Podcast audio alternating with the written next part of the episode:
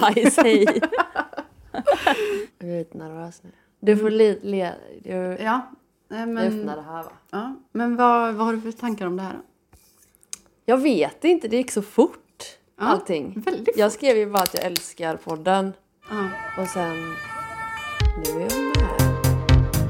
Heteroakuten med Nicky och Freja.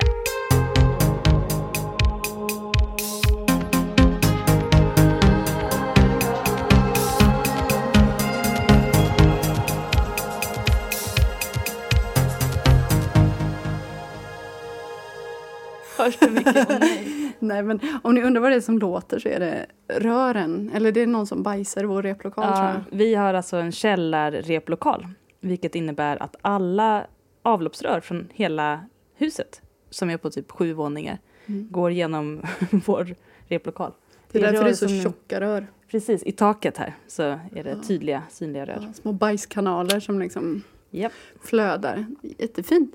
Eh, nu, det är ju lite speciellt det här avsnittet. Dels att det kommer bli två delar av det. Mm. Och sen så är det ju att du och Alice är såna jävla busy ladies. Japp. Det är tur att vi är två. Mm, verkligen. Så busy att jag dricker misosoppa i Direkt inspelning. ja. Mm. Mm. Mm, det var gott. Det var gott. Eh, Nu kommer det bli att jag och Alice Eh, börjar att besvara frågorna och sen så kommer jag att klippa in från det här samtalet efteråt. Eh, så om ni undrar varför det låter från stora rör eh, i ena inspelningen och från en väg på andra så är det för att det är två olika inspelningsplatser och båda platserna är ställen vi inte brukar vara på. Och jag och Alice svarade ju på fem frågor. Det blev tre timmar. Du får se på det, se vad som kommer hända nu. Men då kommer, eftersom att eh, de som har skrivit till oss självklart vill att du också svarar. Tack, ja. Ja, måste- Självklart ska jag svara. Ehm, och jag inledde min och Alice eh, pratstund med att hon fick göra en sån här liten intervju, du vet, som du och jag fick göra i förra Ja, avsnittet. Mina vänner-boken. Eh, vem är du, Alice? Eller vad heter du? Jag heter Alice. Jag heter Alice Ja. Marie Boteus. Ma- Marie. Marie. Jag bor i Vasastan i Göteborg, Mm. där vi sitter just nu. I en liten etta. Mm. Jag har bott här i åtta år nu. Superlänge. Det är så länge. Ja. Mm. Ja, hur gammal är du? Det har vi redan sagt. Jag är 30. Ja, du hade ett fint kalas där, Ja, överraskningskalas. det var det bästa som någonsin har hänt mig. Väldigt fint. Ja, det var den totala egoresan. Ja, jag förstår Det var ju helt sjukt. Mm. Eh, Jag grät och jag grät. Du får berätta något om den. Nej men det var ju, eh, alla vet ju att jag älskar att fylla år, jag älskar att fira folk, eller och mig själv. jag älskar att styra upp födelsedagar och nu hade mina kompisar styrt upp en 30-årsfest, en överraskning, jag visste att det skulle hända någonting men de hämtade upp mig i en bil med en rökmaskin i bilen så det såg ut som att den brann hela vägen till festen. Jag var jätteorolig. eh, och sen var det bara liksom massa folk och min mamma var där och det var hyrt en lokal. Och, och du spelade en, eh, vad ska man säga, en tolkning, cover. Ja. Och sen även Det brinner spelade. Och mycket tårar, mycket quiz, mycket öl, mycket... Mycket tal. Mycket tal och mycket sån fryspizza från Ikea var det de hade. Det var var, det. en underbar jävla fest. Ja, ja. Mm. Ja, jävlar vilka vänner du har. Ja. Jag, också så lustigt att jag, alla tyckte var sådär, åh jag har känt dig så länge. Jag kände så, vilka är de här människorna? Så Ja. jävla länge kan de inte ha känt sig. Nej men det, ja, men, det, men det kanske är, det känns som en lång resa. Ja, vad gör du då? Jag, eh, ja, jag är ju musiker. Ambitionen är väl att jag ska göra musik. Men jag jobbar väldigt mycket nu på ett lager. Där vi, Maxstore. ja, Om ni vill stalka Alice. ja, där vi packar datorer och så till folk. Mm. Eh, Men jag är ganska ointresserad har jag kommit på av elektronikgrejer. Jag trodde att jag var väldigt intresserad. Mm. Men jag är, jag är inte alls så intresserad. Och eh, kan inte hjälpa någon med frågor om deras datorer eller mobiler. För jag, jag kan inte. Men kan inte det vara lite som med musik då? Att man kan... Alltså bara för man är intresserad av musik så betyder det inte att man är intresserad av precis alla tekniska. Ja, Ja. ja. Takida. Nej men precis. Nej, precis, man kan tycka Ja. det är kul att spela in men jag är kanske inte intresserad av själva knapparna och Nej. spakarna. Nej, sätta upp mickar och sånt Nej. där. För det kände jag att det var ju inte riktigt min grej heller. Nej men det är inte så jävla kul heller. Nej, alltså det, tanken om att kunna det är spännande. Den är jättekul. Ja, men i verkligheten så zoomar jag ut. Ja, men målet är roligt men resan är ju jättetråkig. Ja. Precis, och så är det ju. Och det, det, är ju må, det är ju inte målet som ska vara målet som Karin Boye säger. Det är ju resan. Precis, och jag är ju verkligen inte där. Nej. Inte du heller. Nej. Nej. Ja, vad har du för intressen? Alltså de här frågorna är ju, det är som att de är tagna direkt ur en sån min kompis bok. Eh, ja, mina intressen är ju musik då. Mm. Eh, jag är väldigt intresserad av mat och Mm. dryck. Jag tycker det är jättekul att prata om och laga och äta. Och jag eh, älskar att bowla. Ja, det gör du verkligen. Så det är väl mitt sånt hipsterintresse kan man säga. Freja kommer ju vara med i det här avsnittet. Mm. Men vi skulle spela in på tisdag tänkte vi. Men Mm. eftersom att Alice har bowlingturnering då Mm. så gick det inte. Och sen så, ja. Så Ja. då, därför kör vi två tillfällen. Precis. Eh, Det kommer bli hur bra som helst. Ja, men det var, det var läskigt att vara tanken att vara en inhoppare för Freja. För jag tycker att hon är så fruktansvärt liksom, pedagogisk och, och rolig och varm och sådär. Alltså, det, oh, det, är, det är stora skor att fylla. Ja, men, nu- men nu, är du ju nu blir du ju ändå gäst. Ja, liksom. det är skönt. Även, om- även om det, du kanske kommer att ta en större plats. Mm. Men, men så vill vi också göra med gäster. Det är Mm. ju roligt. Ja. Och viktigaste frågan, vad är din favoritfärg? Blå. Kan du gissa vad Alice har för favoritfärg? Oj, vad svårt. Jag skulle spontant säga blå eller svart. Mm. Du var väldigt rätt. Är det? Sa hon båda? Nej, nej, blå, men jag skulle misstänka att om... Om, Om svart var en färg? Ja, jag skulle bli det. Blå. Mm. Precis som Freja. Mm. Ja. Mm. Och jag visste det. Jag, jag lyssnade på det avsnittet och låg i min säng, kunde inte sova. Och Freja ställde dig frågan Favoritfärg Nicky? Och jag säger i min kudde gul. Så jag bara, och du bara, det är lite annorlunda faktiskt men gul. Jag bara, ja. Och Freja bara, jag bara blå. Så jag visste det. Det är blå. Blått är jättefint. Det är det. Jag älskar blå. Ja. Men på, jag gillar mörkblå väldigt mycket. Ja, mörkblå, vad heter sån? Kleinblå. Klein. Till och med det är fint. Eine kleine Eine blå. kleine blå. Eh, jo, men jag glömde säga att ett till intresse som är Ja. extremt vanligt Jag älskar ju självklart eh, true crime, seriemördare, allt Ja. sånt. Men det gör ju varenda snubbe i stan jag på att säga. Det är ju, Mm. Men det är kul också för att eh, då man kan prata med vem som helst om Mm. vilken mördare som helst. Och... Mm. Jag är fisk också. Ja men gud. Jag är fisk. Och relationsstatus. Eh, upptagen, eller säger man? Ja. I relation. Ja, ja men att, att jag kände att jag ville ha med dig är ju också för att dels att du bara blir ihop med heterotjejer. Ja, mycket. Det har varit mycket bisexuella tjejer. Rådjurslesbiska. Rådjurs... Ja, några rådjurslesbiska. är det nog. Ja. Mm. Och sen... Du tittar på mig med en blick som säger att du vet. Men du får inte svaret riktigt du vill ha nu. Nej, Nej. Men, eh, jag, men jag vet. Du vet. Nej men det, det har varit... Det, ja. Nej men jag, jag har haft en lång karriär som lesbisk kan vi säga. Ja, det har du. Jag kom ut när jag var 14. Mm. Och, så. och sen är jag ju en obotlig romantiker.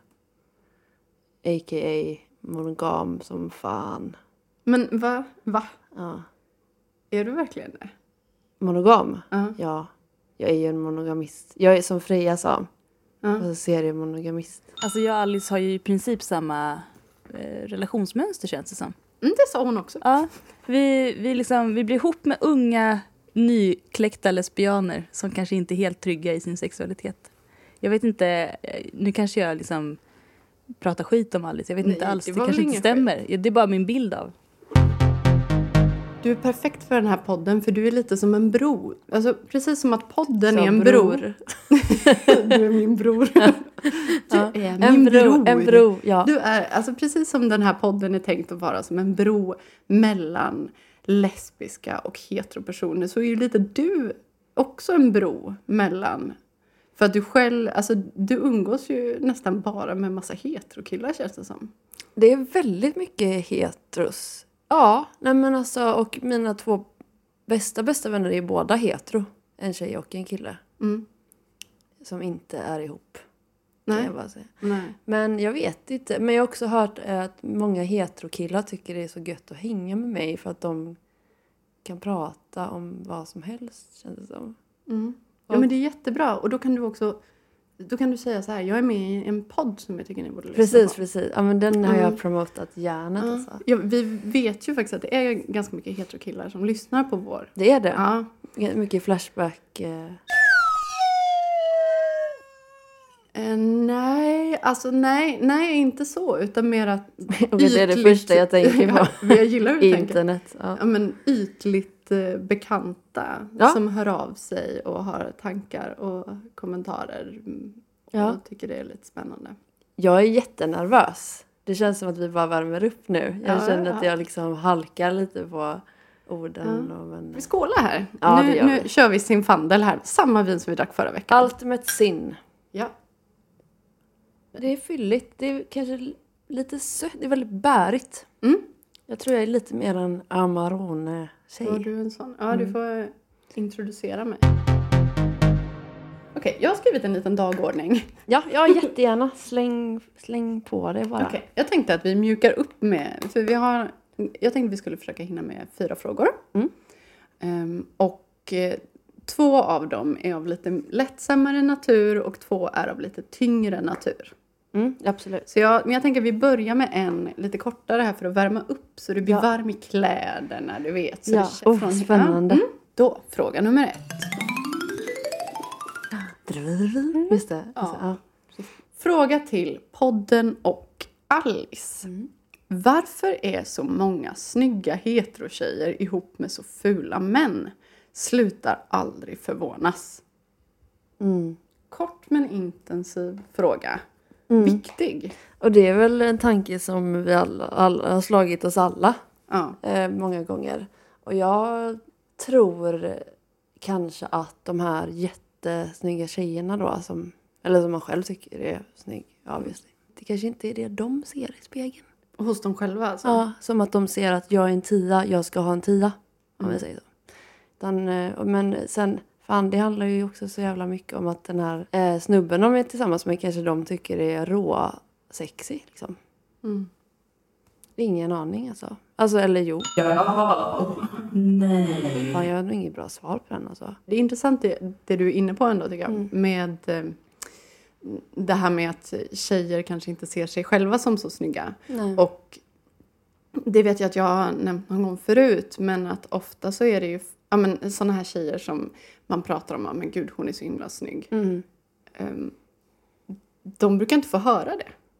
Nej. För att Alla Eh, tror att de, de, vet. ja, de vet. Men det är ju en stor skillnad på att tycka att man själv har, ser snygg ut idag. Och Ja. man har vuxit upp med sitt utseende hela livet. Det är så svårt att ha en Ja. bild. Jag har ingen aning om hur jag ser ut. Men så, så, kan, eller så kan jag ju också ha tänkt om jag har varit eller är med någon som jag tycker är liksom världens snyggaste människa och själv känt mig som att shit, jag är inte alls i den ligan alltså. Nej. Jag måste ha något annat. Typ. men, men det, eller så har den här killen som man ser på stan med den jättesnygga tjejen så här världens finaste skratt eller eller du vet, eller du vet, Men det är ju en vanlig sak, det är det verkligen. Men alltså om man tänker då så här. Hur många snygga killar finns det? De är ju inte så många. Och hur många, för jag tänker det finns ju väldigt många snygga tjejer. Det är väldigt få tjejer jag ser som jag tänker oj, hon var inte snygg. Men det är nog också för att vi, vi har ett extra öga på tjejerna. Vad menar du med Kanske. det? För, för jag kan ju inte typ, jag ser ingen skillnad på killar. Nej, jag tycker de ser likadana ut allihopa. Ja. Jag måste verkligen hänga upp dem på Hur en, går det med dina kompisar? Med mina killkompisar. För det är ju inte lätt alltså. Ja, Jag tror jag hälsade på Olle typ fem gånger innan jag kände igen honom, minst. Olle, typ- ja, men Olle ser jag, jag, jag har känt honom så länge nu så jag kan ju se honom från en mil. Eh, Alltså hur han går och hur han Mm, liksom... Ja, jag ser det framför mig. Eh, men, men just de här, de här med lite, lite skägg, lite, lite hår. Eh, jag vet inte. Keps. Keps. Ja. Riktig skjorta. Ja. Men det har varit lite så också med lesbiska att jag bara, har- den Mm. har jag säkert, eller va? Jag gjorde ett sånt test och fick reda på att jag har ett värdelöst bildminne. Oj, jag var liksom... Jag skrattade så jag grät när jag fick se resultaten av den där lilla båten jag skulle rita tre gånger. Och att i mitt huvud var det så fruktansvärt rimligt att jag utgår ju såklart från symbolen som ser ut som ett bowlingklot. Och det var liksom det enda jag fick rätt. Men resten var ju bara oj. oj vad det var dåligt. Men, men ser, ser du Bonde söker fru? Ibland. Jo, men det finns ju en bonde som då enligt eh, tidningarna är kallad för typ hunkbonden. Oj okej. Snyggbonden. Får man se en bild på hund? Ja, jag absolut. googlar fram Ja, gör det. hundbonden med en gång. Ja. Åh gud. Ja, han har jättemycket muskler. Jag tror att det är det som är grejen. Men han är känd som ja, men snyggbonden. snygg. Men, och jag Fattar inte. Jag kan förstå att media och, och folk du ska kallar honom hunk. Du måste se hans hår. Vänta. Här. Han- Kolla det här. Ja, det är väldigt mycket... Det är som när vi sparade ut vårt hår. Ja, verkligen. Men kolla här. Han Mm. har en, ett... Liksom, han, han ser ut som en helt vanlig blond man. Han har ju fina tänder. Det kan vi inte säga. Mm. Nej, det har absolut. Han har såna där blå ögon som, Han har det. som de där tjejerna som söker vill drunkna i. Mm. Och sen har han lite stu- Alltså han är... Det är väl det bästa hunken de har hittat helt enkelt. Jo, men det som är så lustigt med honom. Alltså det är för att jag blev faktiskt provocerad när hans tjejer kom in. För de är så snygga. Alltså jag hade kunnat dejta hälften av dem. Alltså de är så jävla snygga, smarta, roliga, rappa. Han har alltså ett ordförråd på fyra ord. Mm. Och det är jag söker en fru. Eh, nej, man hade kunnat tro det. Men det har han inte. Utan det är... Okej, han har en mening också. Som han säger hela tiden. Det är... Åh men, oh, men fan. Det säger han. Och så säger han... Nice! Och så säger han... Soft. Och enligt, jag trodde det bara var tre. Men Felicia sa också att han säger ba väldigt mycket. Alltså, Mycket stöt på ba. Så han kanske är en underbart rar människa. Men de har ju inget annat att gå på för det är ju det han visar. Och de här tjejerna liksom verkligen tar hand om honom. Alltså de är så snygga. Men han ser ju lite ut som en sån där eh, 90-tals eh, posterboy från Okej-tidningen typ. Och det är ju lite 90-tal nu som ni har snackat om. Så det är kanske att eh, eh, för straighta tjejer kanske Ja. killsmaken går lite också som en sån trend. eh. Mm. Men om man tänker att han är en snygg person då. Eh, då och han har fyra ord i sitt ordförråd. Då räcker ju det Eh, ibland för vissa. Ja, för att det känns som att tjejer är så sjukt, hetero-tjejer, är så sjukt lättimponerade. Som de här som jag hörde när jag var, satt på Oceanen. Ja, som sa han Ah. frågar frågor. Var- Ja, som sa, alltså nu skrev jag ju ut det som att, att hon bara sa en gång att men alltså han är ju så himla fantastisk. För jag ville inte att det skulle se ut som att jag överdrev, men Nej. jag underdrev. För hon var verkligen så här, alltså han är helt otrolig, han är helt magisk, du måste träffa. Alltså han är ju helt fantastisk. Alltså för, för det första, han frågar frågor. Och för det andra, han är jättesöt. Och det var liksom det. Och vet du, på vägen hit, då hörde jag en kvinna prata med en annan kvinna. Och hon sa så här, men hon är ju en fantastisk person. Och så skulle, var det som att hon skulle börja rabbla upp kriterier för att hon var en fantastisk person. Då var det så här, hon är så himla stark. Hon är så stark person. Hon är så himla trygg. Och hon är så otroligt lugn ja, men, lyssnande. Men så här och, äkta komplimanger. Ja, Alltså, men att det är ändå, en man behöver liksom inte... En man som skulle vara trygg och... och Det kanske är att det är så få det är så få som både är söta och Mm. frågar frågor så när de träffar en är det ju en tiopoängare. Vilket är väldigt sorgligt. Men man kan ju också tänka på eh, fucking Åmål. Mm. När Elin dejtar Johan Hult. Ja, han har inte heller ett stort ord för Som inte har ett stort oförråd. Lite sån här gullig moppekille liksom. Mm. Men vad händer på slutet? Jo, hon dumpar honom och blir ihop med Agnes. Mm. är det, det är kanske lite i det moderna samhället så kanske tjejer kanske börjar bli mer så här. Jag behöver inte nöja mig med någon som bara frågar frågor och är söt. Jag kanske faktiskt kan hitta någon som en tjej. Eller en tjej som har valt en kille som kanske inte ser så bra ut för att hon ändå har prioriterat hans goda egenskaper. Sen så vet ju jag av erfarenhet att det är många av de här fula killarna som också är dumma i huvudet. Ehm, Kanske för att de är fula. för att de blir så osäkra. Så de liksom vet inte alls vad... Men sen måste jag ju faktiskt tillägga mina bästa killkompisar. De, Inte alla män. inte alla män. Nej men eh, alltså eh, är ju... Det är en självklarhet för dem att fråga frågor och, och meda till och också understryka hur starka andra är och också prata fint om sina andra killkompisar. Och, Men då är det en röd tråd. De sitter ner och kissar allihopa. För det har jag forskat i. Du, gissa vem som sitter ner och kissar? Min pappa. Din pappa, ja. Han är ju väl fin, Ja. eh, en så här människa. Det kan man väl lugnt säga. Så du gillar fina människor sitter ner och kissar. Pappa. Ja. Det är faktiskt Det är, bra. det är ett tema. Då kan vi säga så här. Han sitter ner och... Ja, precis. Ni frågar så här. Står eller sitter du och kissar? Eller när de Vad- ser en ful kille med en snygg tjej, då kan ni tänka direkt, han sitter ner och kissar. Fast allt nu är ju bara spekulationer och roliga liksom, tankar. Men Ja. vad... De är, Jag tror faktiskt att du har någonting väldigt mycket i att tjejen inte ser... tro att hon kan få bättre. Ja. Ja. En kille som har gått genom livet i ett patriarkalt samhälle och inte varit så snygg ja, ja, men har skaffat sig samma självkänsla som en tjej som är snygg som har gått genom livet i en patriarkal värld. Exakt. Ja, det tror jag verkligen. Och också som det, det sägs i ett citat i en film som är väldigt klyschigt, men det här Vad är det för man, film? eh, Perks of being a wallflower. Okej. Och då säger de att man vill ha det man tror sig förtjäna. Mm. Och man dras till det. Mm. Så, och så är det nog med de flesta tror jag. Det var en bra slutsats. Ta bort det där andra. Alltihopa? Nej. Aldrig. Okej. Men det är viktigt. Ja, det är med- viktigt. Ja. Det, är, vi, det är ju bara att man öppnar upp hela sin hjärna nu. Ja. Över ett glas Ultimate Sin. Ja. Eh, och man får ta det med en nypa salt. Mm. Ja. Ja. Uff, gud. Jag känner spontant, det här är ju fel personer att fråga. För vi är ju snygga tjejer som är ihop med tjejer. Ja, nej, men jag, det var därför jag tyckte det var så himla bra att Alice skulle svara på den här. Mm. För hon, hon kan ju det här med heteros, heteromän och så. Ja, jag, jag, vad intressant. Jag har faktiskt tänkt på det själv.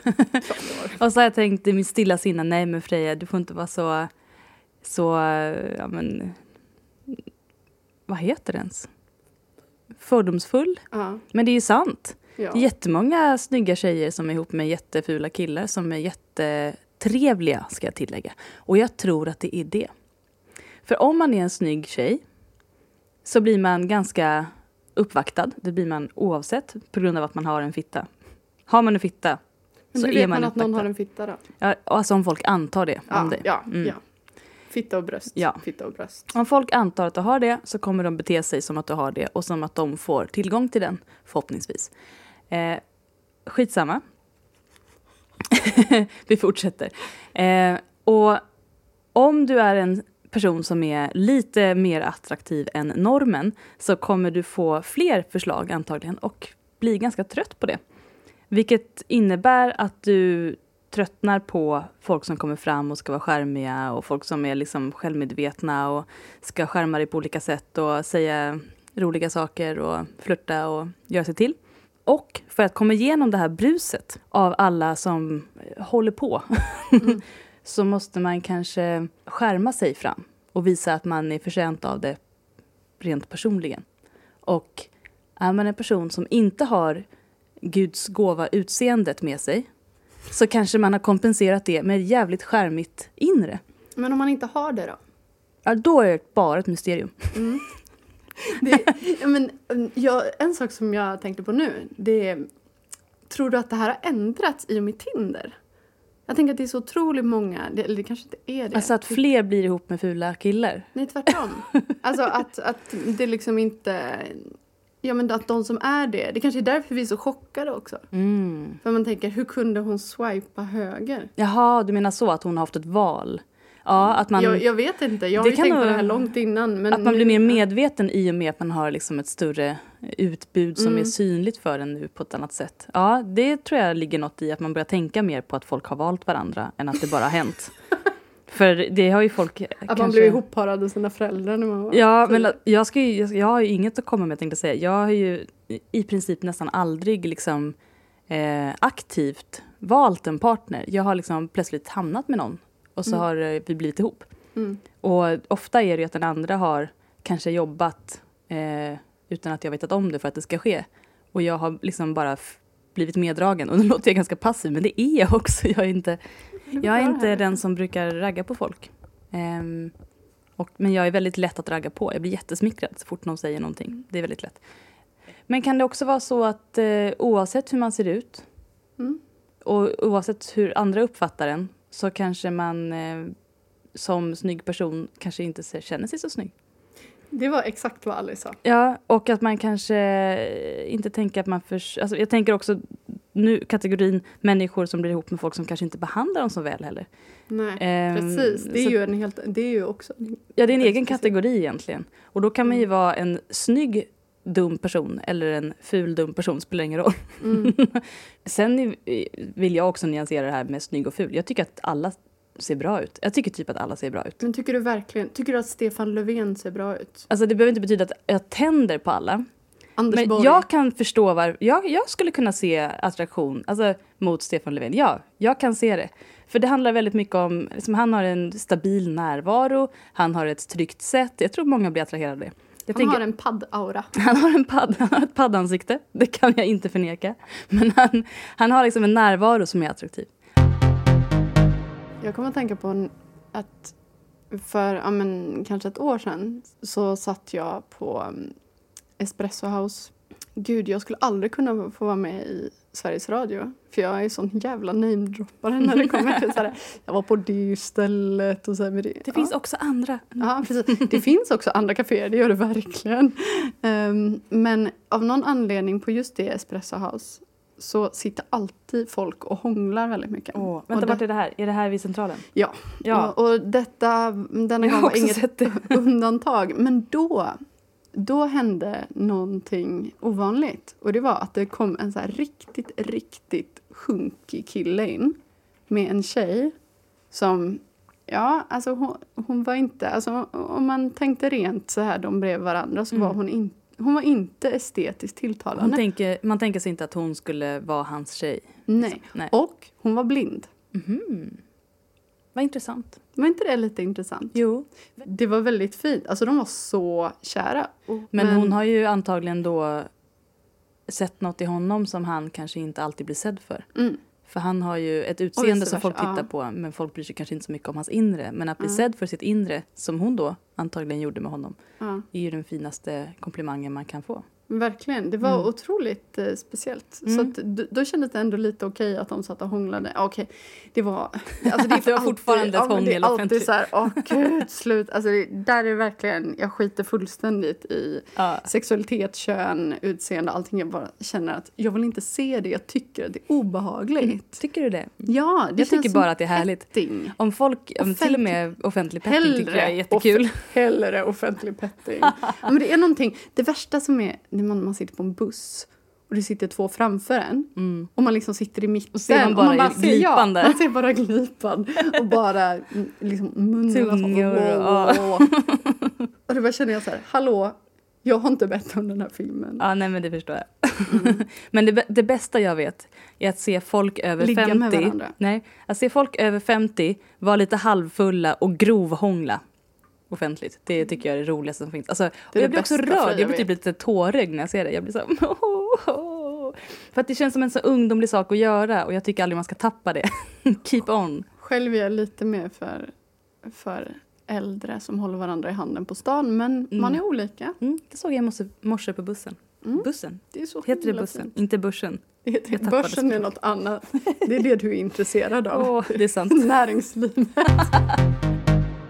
Okej, men det är allt det här då? Ja, jag har kopierat för att det ska vara Mm. Men det är ganska annorlunda. lång då? Mm, Så, Okej. Den är lång. Fråga två. Hej! Jag är lesbisk men har en del issues med det. Jag attraheras och blir bara kär i kvinnor men känner skam över det. Får alltid skamkänslor när jag har legat med en kvinna trots att jag gjort det under många år. Jag är uppvuxen i en homofobisk miljö så antar att det beror på det. Ett problem jag har är att jag inte fullt ut kan acceptera att jag är lesbisk utan ligger ibland med män bara för att jag vill passa in i heteronormen. Känner ingen skam efter det men känner mig rejält äcklig. Har äntligen vågat prata om detta med en nära vän som är ett fantastiskt stöd för mig. Han är en heteroman som själv har issues och skam kring sin sexualitet. Så han tror han förstår mig. Men ja, vi har olika utgångspunkter. Hur kommer jag bort från min internaliserande homofobi? Och hur ska jag sluta vara självdestruktiv och ligga med män? Jag är 32 år nu och vill få ordning på min sexualitet. Mm.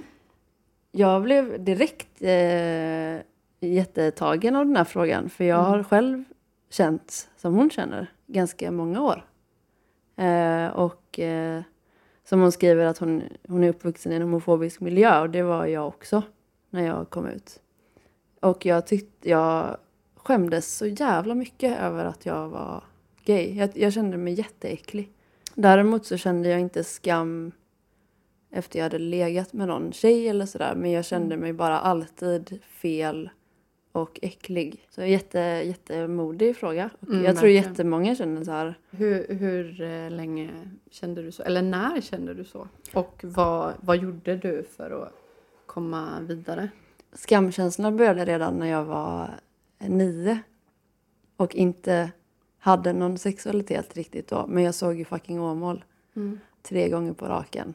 Och blev jätte så här intrigued av Agnes och Elin och det var bara så mycket som vaknade i mig och jag blev bara jättepirrig och jag började klippa ut bilder på Agnes.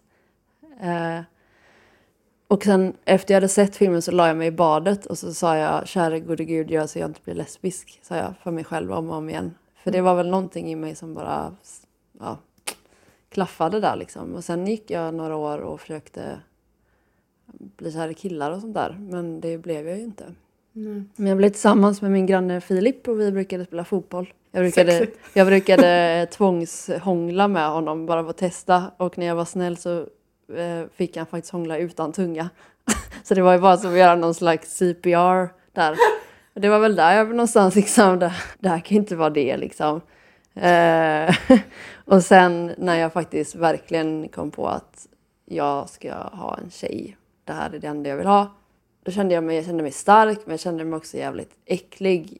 Men de känslorna kom ju bara från min familj. Det var ju de som sa att jag var äcklig och fel. Och Och det sitter så jäkla djupt. det sitter djupt som fan. Och att jag själv märkte att jag började tycka illa om andra gays. Alltså jag blev ju homofob för att det är ju super super klassiskt men Mm.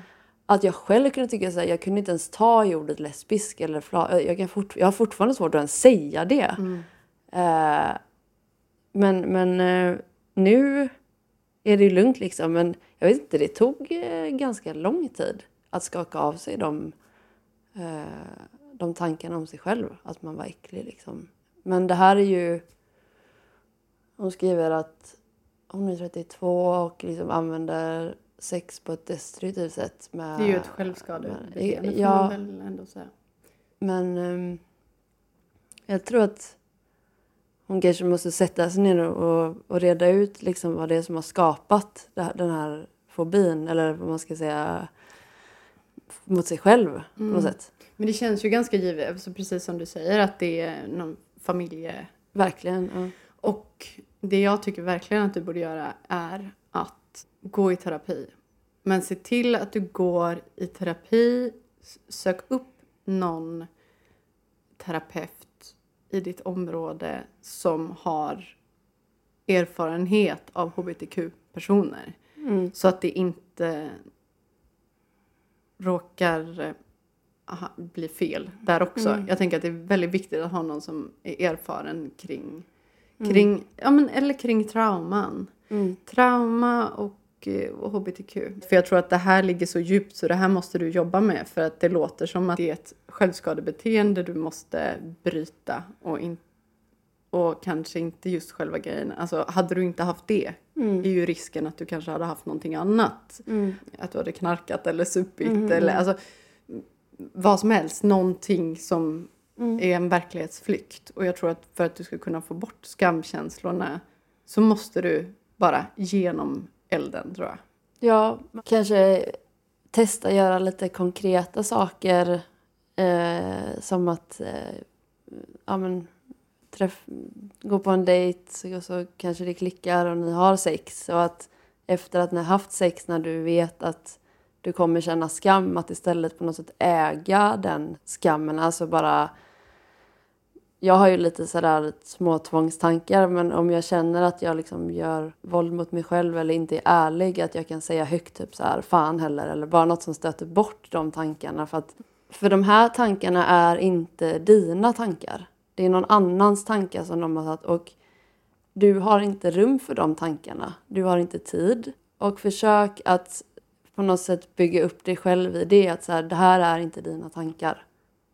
Nej, och så tänker jag att kanske bryta något mönster i hur du träffar andra kvinnor. Mm. Alltså om, om du brukar vara så där att du träffar någon men sen Ja men att det går väldigt lång tid innan ni har sex. Mm. Eller att du kanske ligger med folk som du inte känner omedelbar attraktion till. Mm. Ja, men, Ligg En- inte en- då. nej, nej precis, gör inte det. Nej. Och ligg bara med folk du verkligen är attraherad av. Och är det så att du bruk, att dina sexuella kontakter med kvinnor oftast är Ja men att du, du går ut och kanske på krogen och Mm. drar hem med någon. Gör något annat då. Börja Mm. skriva med någon. Mm. Kanske kyss personen. Skeda. Alltså, Ja. Behöver inte ens göra, göra Nej. någonting. Men bara träffas och träffas igen. Och, så här, omvärdera, eh, omvärdera värdet på ditt sexliv.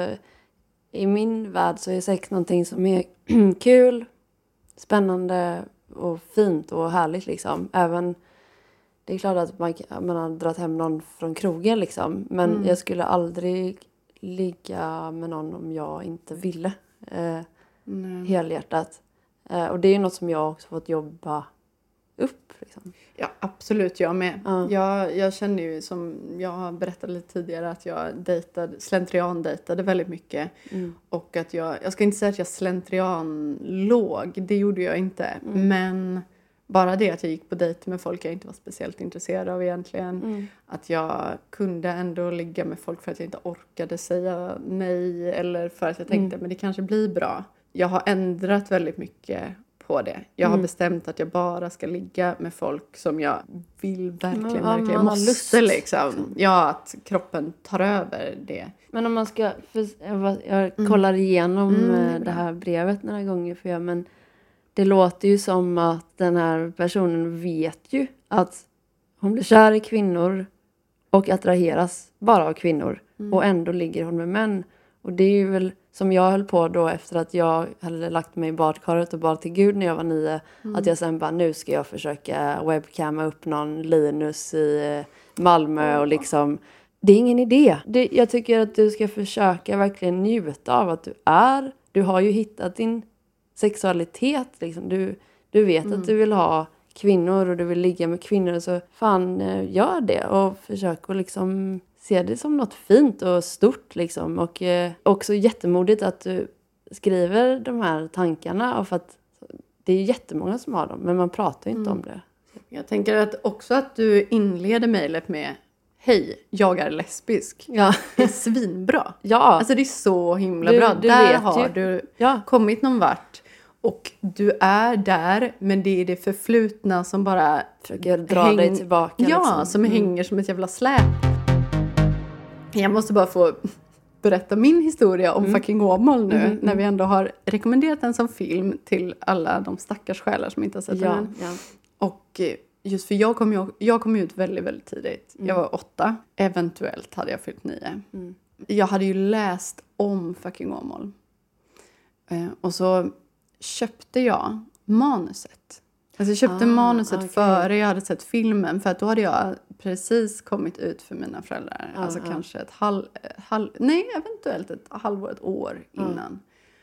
Så jag läste den här och gud, jag minns så himla väl slutscenen. Det var som att jag ifrågasatte allting. Jag bara, det är så konstigt manus, det är så konstigt, allting är så konstigt och allt så fel. Och när de sa, kan ni flytta på er? Vi ska gå och knulla. Då var det som att jag bara, nej, nej, nej, jag kan absolut inte se den här filmen. För att se en film då betyder ju se den med sina föräldrar. eh, och mina föräldrar sa att, men ska vi inte se den där filmen? Och mina föräldrar hade ju reagerat väldigt, väldigt dåligt Mm. när jag berättade att jag var kär i en tjej i Mm. min parallellklass. Mm. Eh, så att jag hittade på alla möjliga, för jag tänkte de vet inte vad den handlar om. Och du Så att- försökte hålla borta dem ja, från att se så den. att Ja. jag, jag var sådär, nej men jag är, jag är sjuk, jag, alltså jag, jag bara nej men jag verkar inte så himla bra och Mm. bla bla bla.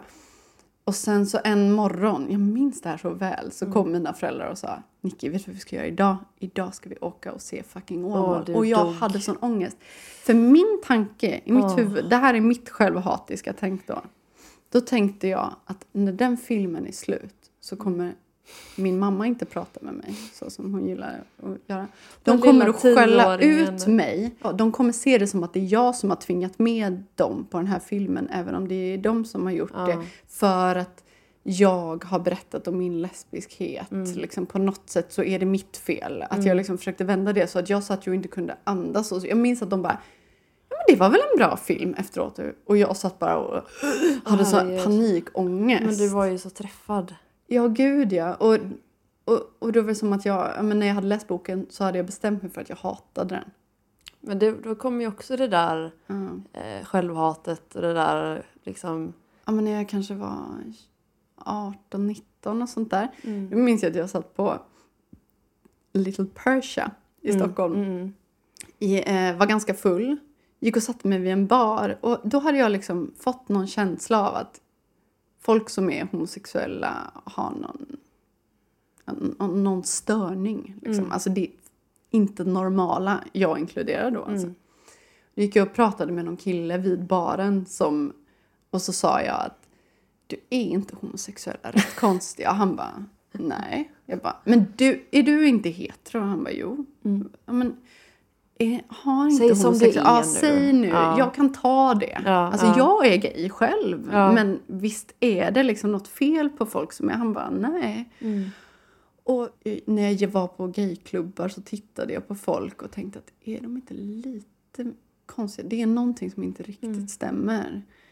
Men, men, men det, Jag kan så, inte vara det på riktigt. För så tror jag också att det var en del när jag var så här, usch, eh, så här, ville inte röra vid ordet queer när det kom in så. Mm. Och när folk kallar mig queer blev jag helt så här, "Fa- fan eller aldrig i livet. Jag ville inte vara en del av eh, hbtq-samhället fast jag själv var verkligen det. Mm.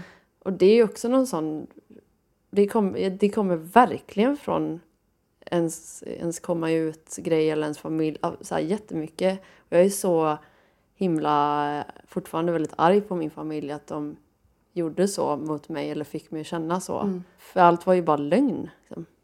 Den där Ja. skammen är ju bara bluff. Jag tror att även om det som du brevskrivaren, ehm, det som jag tycker är, som du måste känna med dig själv, det är att eftersom att du har vuxit upp som du har gjort, allt det du har eh, skapat i din lesbiskhet, det har ju du gjort helt själv.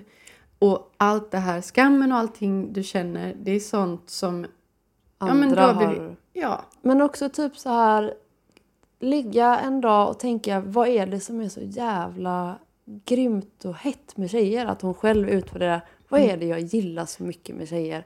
ja, Och försöka embracea det. ja, förlåt nu avbryter håll jag kvar i dina fantasier, håll kvar i den där stunden igår kväll. Liksom, försök att bara njut på något sätt. Det är jävligt svårt kanske att göra så. Men bara, ja och det är okej att du har de här skamkänslorna. Det är, liksom, det är inte okej att du har fått dem.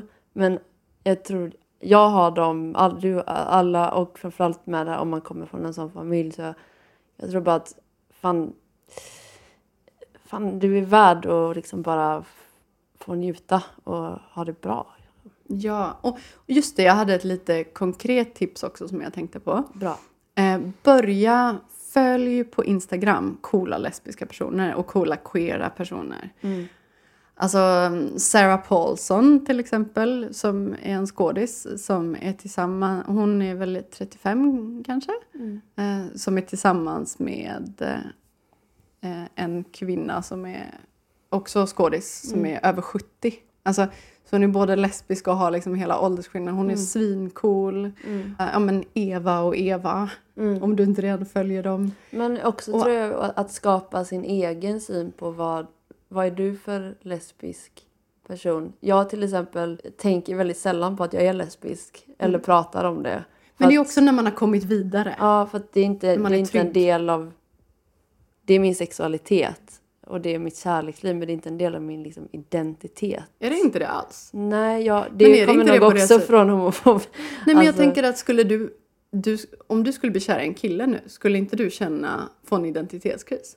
Jo, jo, gud ja, jo, det är klart. Men jag, det, jag skulle, det måste ju vara det skulle ju vara en livskris snarare. Ja men det är väl verkligen, då är det ju en stor del av din identitet. Men jag tror faktiskt, om jag ska vara helt ärlig med det här, när jag sitter och pratar om det nu, att jag, har, jag, är, jag är nog fortfarande någon slags liten homofob mot mig själv. Mm. Jag kan liksom vara lite så här, uh, lesbisk frukost, uh, nej, gud. Eller du vet Mm. så här, Men, men sen är det också lite för mycket av det goda. Det är som att Mm. yoga, jag har ingenting emot yoga. Men om man går in på Paolo Robertos Instagram jag. Då, jo men det gör man ibland. Och då, då är det plötsligt något annat. Alltså det är som att under Pride har jag jättesvårt att spana på folk. Mm. För att det blir för mycket. Det blir liksom, det, det kryllar. Mm. Och det spelar ingen roll vad det är. Om det skulle vara en hel planet av hundar skulle jag tycka att det var obehagligt med hundar. Jag älskar hundar. Alltså det, Ja. Det var någon Det pridefest där det alla blir- liksom klädde av sig för det var så svettigt. Och då blev jag lite så här, uh, nej. jag har inte Alltså, folk till på alla Pridefester. Nej, men, och det, det, det kan ju vissa tycka är så härligt och sexigt och jag tycker det är lite så här, då går jag hellre till sejden alltså. Jo men jag fattar det. Men om du tänker så här då. Att om de här som tog av sig kläderna. Om det Mm. hade kommit några snubbiga vakter och bara Åh! Sätt på er kläderna! Ah. Och att det är ju lite för att göra ett statement kring, Ja.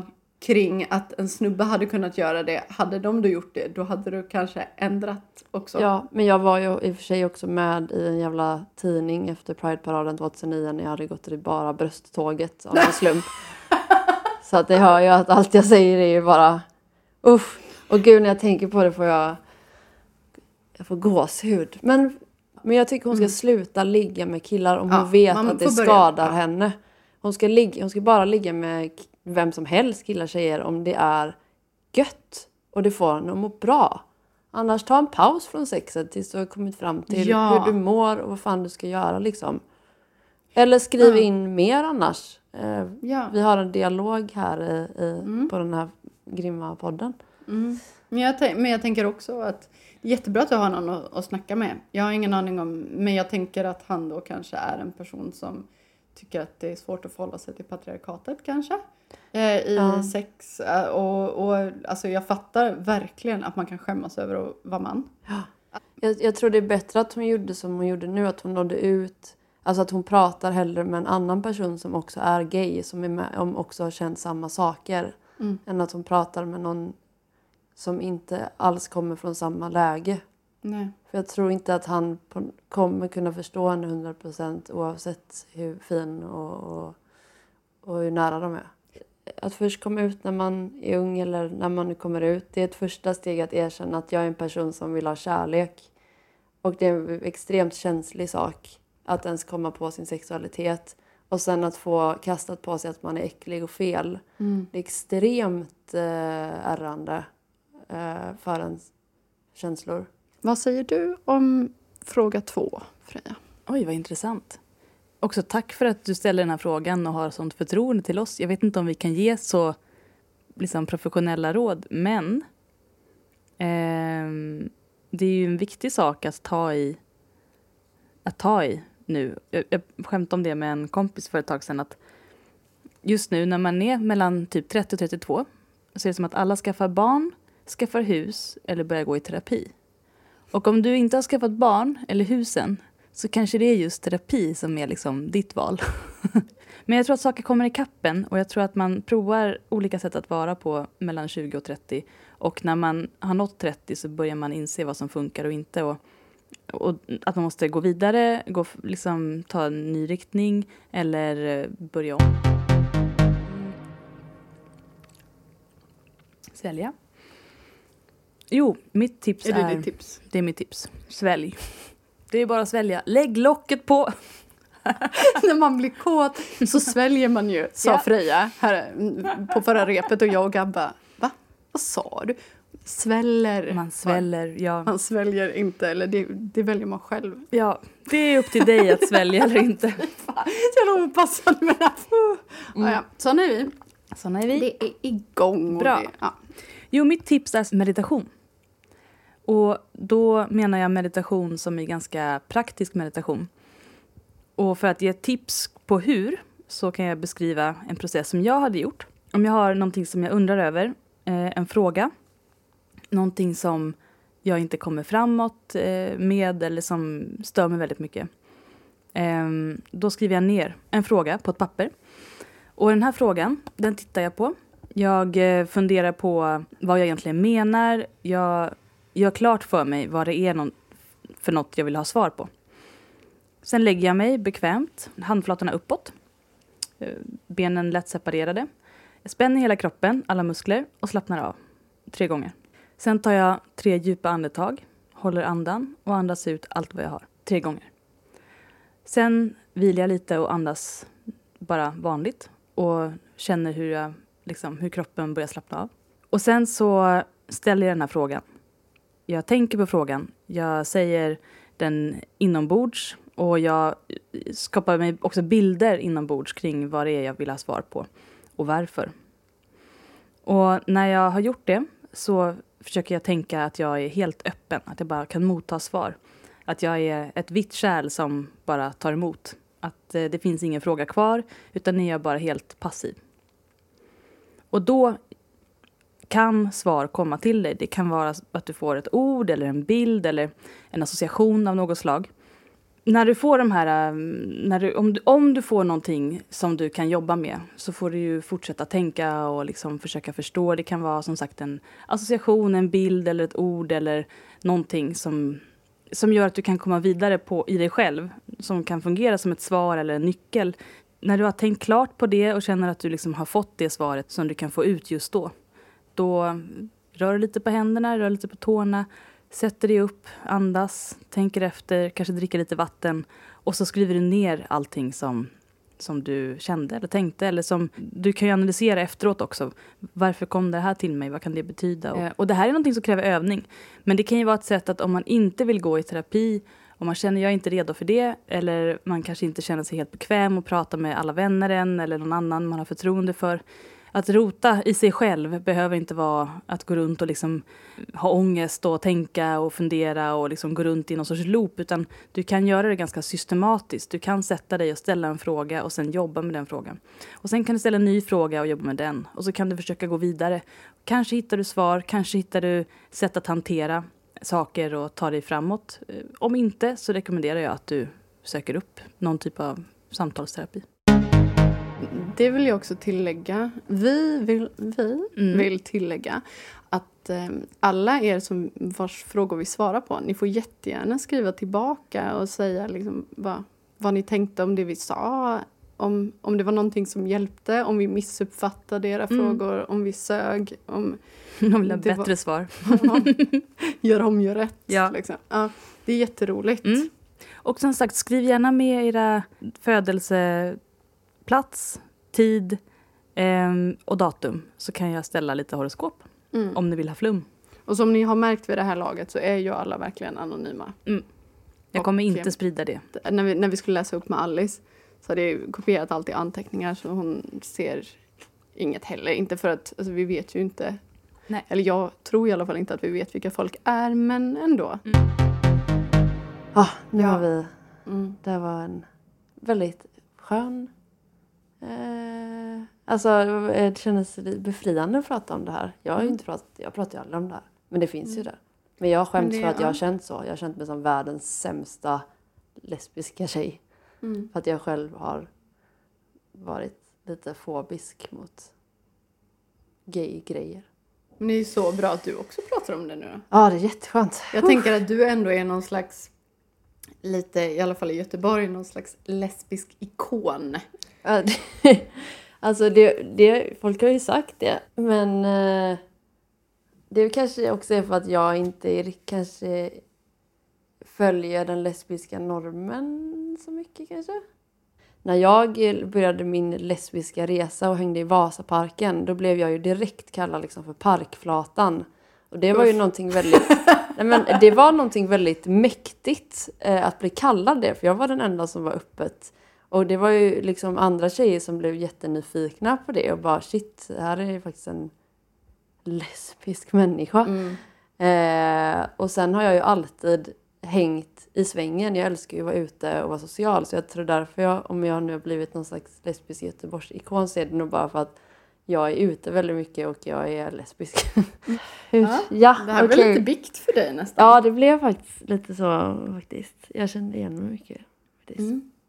Men det är jättebra. Mm. Alltså jag tänker att även om, även om saker ser ut på ett sätt, att här, du är öppen, du har gjort musik där du nämner hon som ett liksom, kärlek. Alltså det är också en del av ens egen terapi på något vis. Jättemycket. Och rädslan att sen släppa musiken och att ens familj ska lyssna. Och man är, jag är fortfarande rädd att de ska skämmas. Liksom.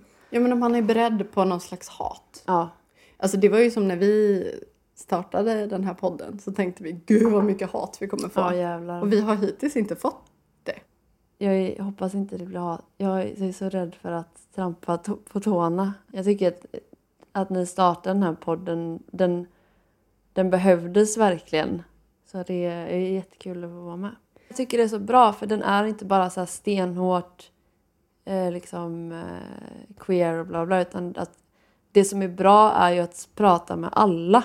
Mm. Alla sexualiteter, alla kön, alla, alltså här, det är det som är så fint och bra. Det är det som är jävligt 2019 och eh, ni, ni, var liksom, Snart 2020. ni var först på bollen med det här och Mm. jag tycker det är ascoolt faktiskt. Stort fan. Ja, det är jätte... Det är väldigt kul att ha med någon som är ett stort fan.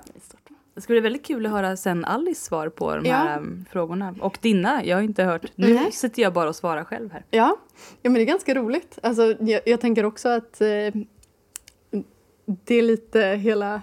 Det, det blir lite extra skojigt här. Alltså för att jag, vi har ju lite andra vinklar på den här eh, frågan. Men jag tänker att det är roligare att du får höra det sen. Ja, det är roligt.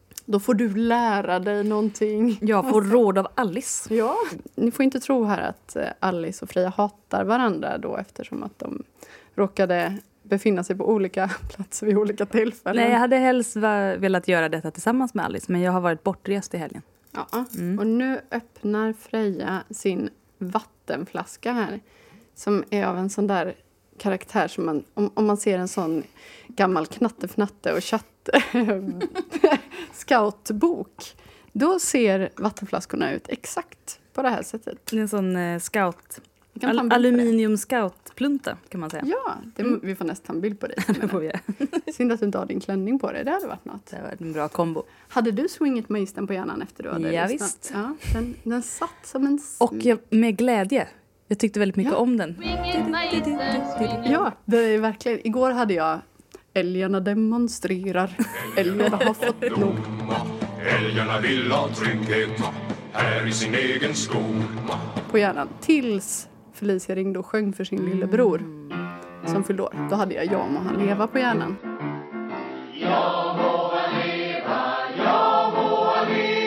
Resten av kvällen. Det är en bra låt. Ja, den är riktigt stark. Men En vanlig... god bit. Ja, nej, Swinget Magister är riktigt bra. Borde se den någon gång. Mm. Ihop. Mm. Ja, det är en film. Ja, Va? Det här, ja, nu när du säger det så är det klart, det vet jag ju, men det har jag aldrig tänkt aktivt Nej. att det är. Den måste vi se. ja jag, jag såg ju någon dokumentär om, om eh, Alice Babs.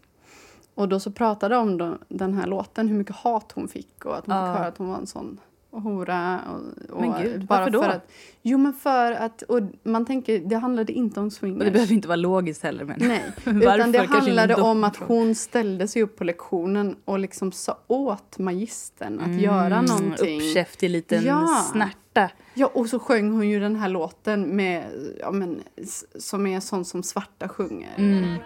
Skattsång. Ja. Ja. Och vet du vad hon gjorde då? Då gjorde de en uppföljare, Mhm. Swing It Magistern 2, och gjorde svar på tal. Oj, oj, oj. Ja, ja visst. Det är riktigt spännande. ja. Ja, det måste, vi måste se båda Mm, ja. på rad. Ja, ska vi... Di, di. Nu, vi kan klippa in den här igen, så får ni på igen igen. Så kanske vi börjar bete som pipor.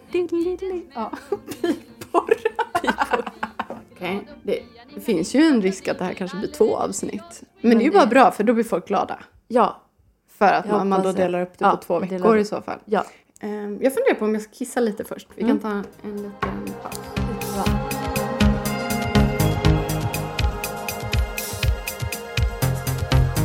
Heteroakuten är Nicky Yrla och Freja Holmberg. Maila dina relationsfrågor till heteroakuten. Musik och ljudmix av Nicky Yrla.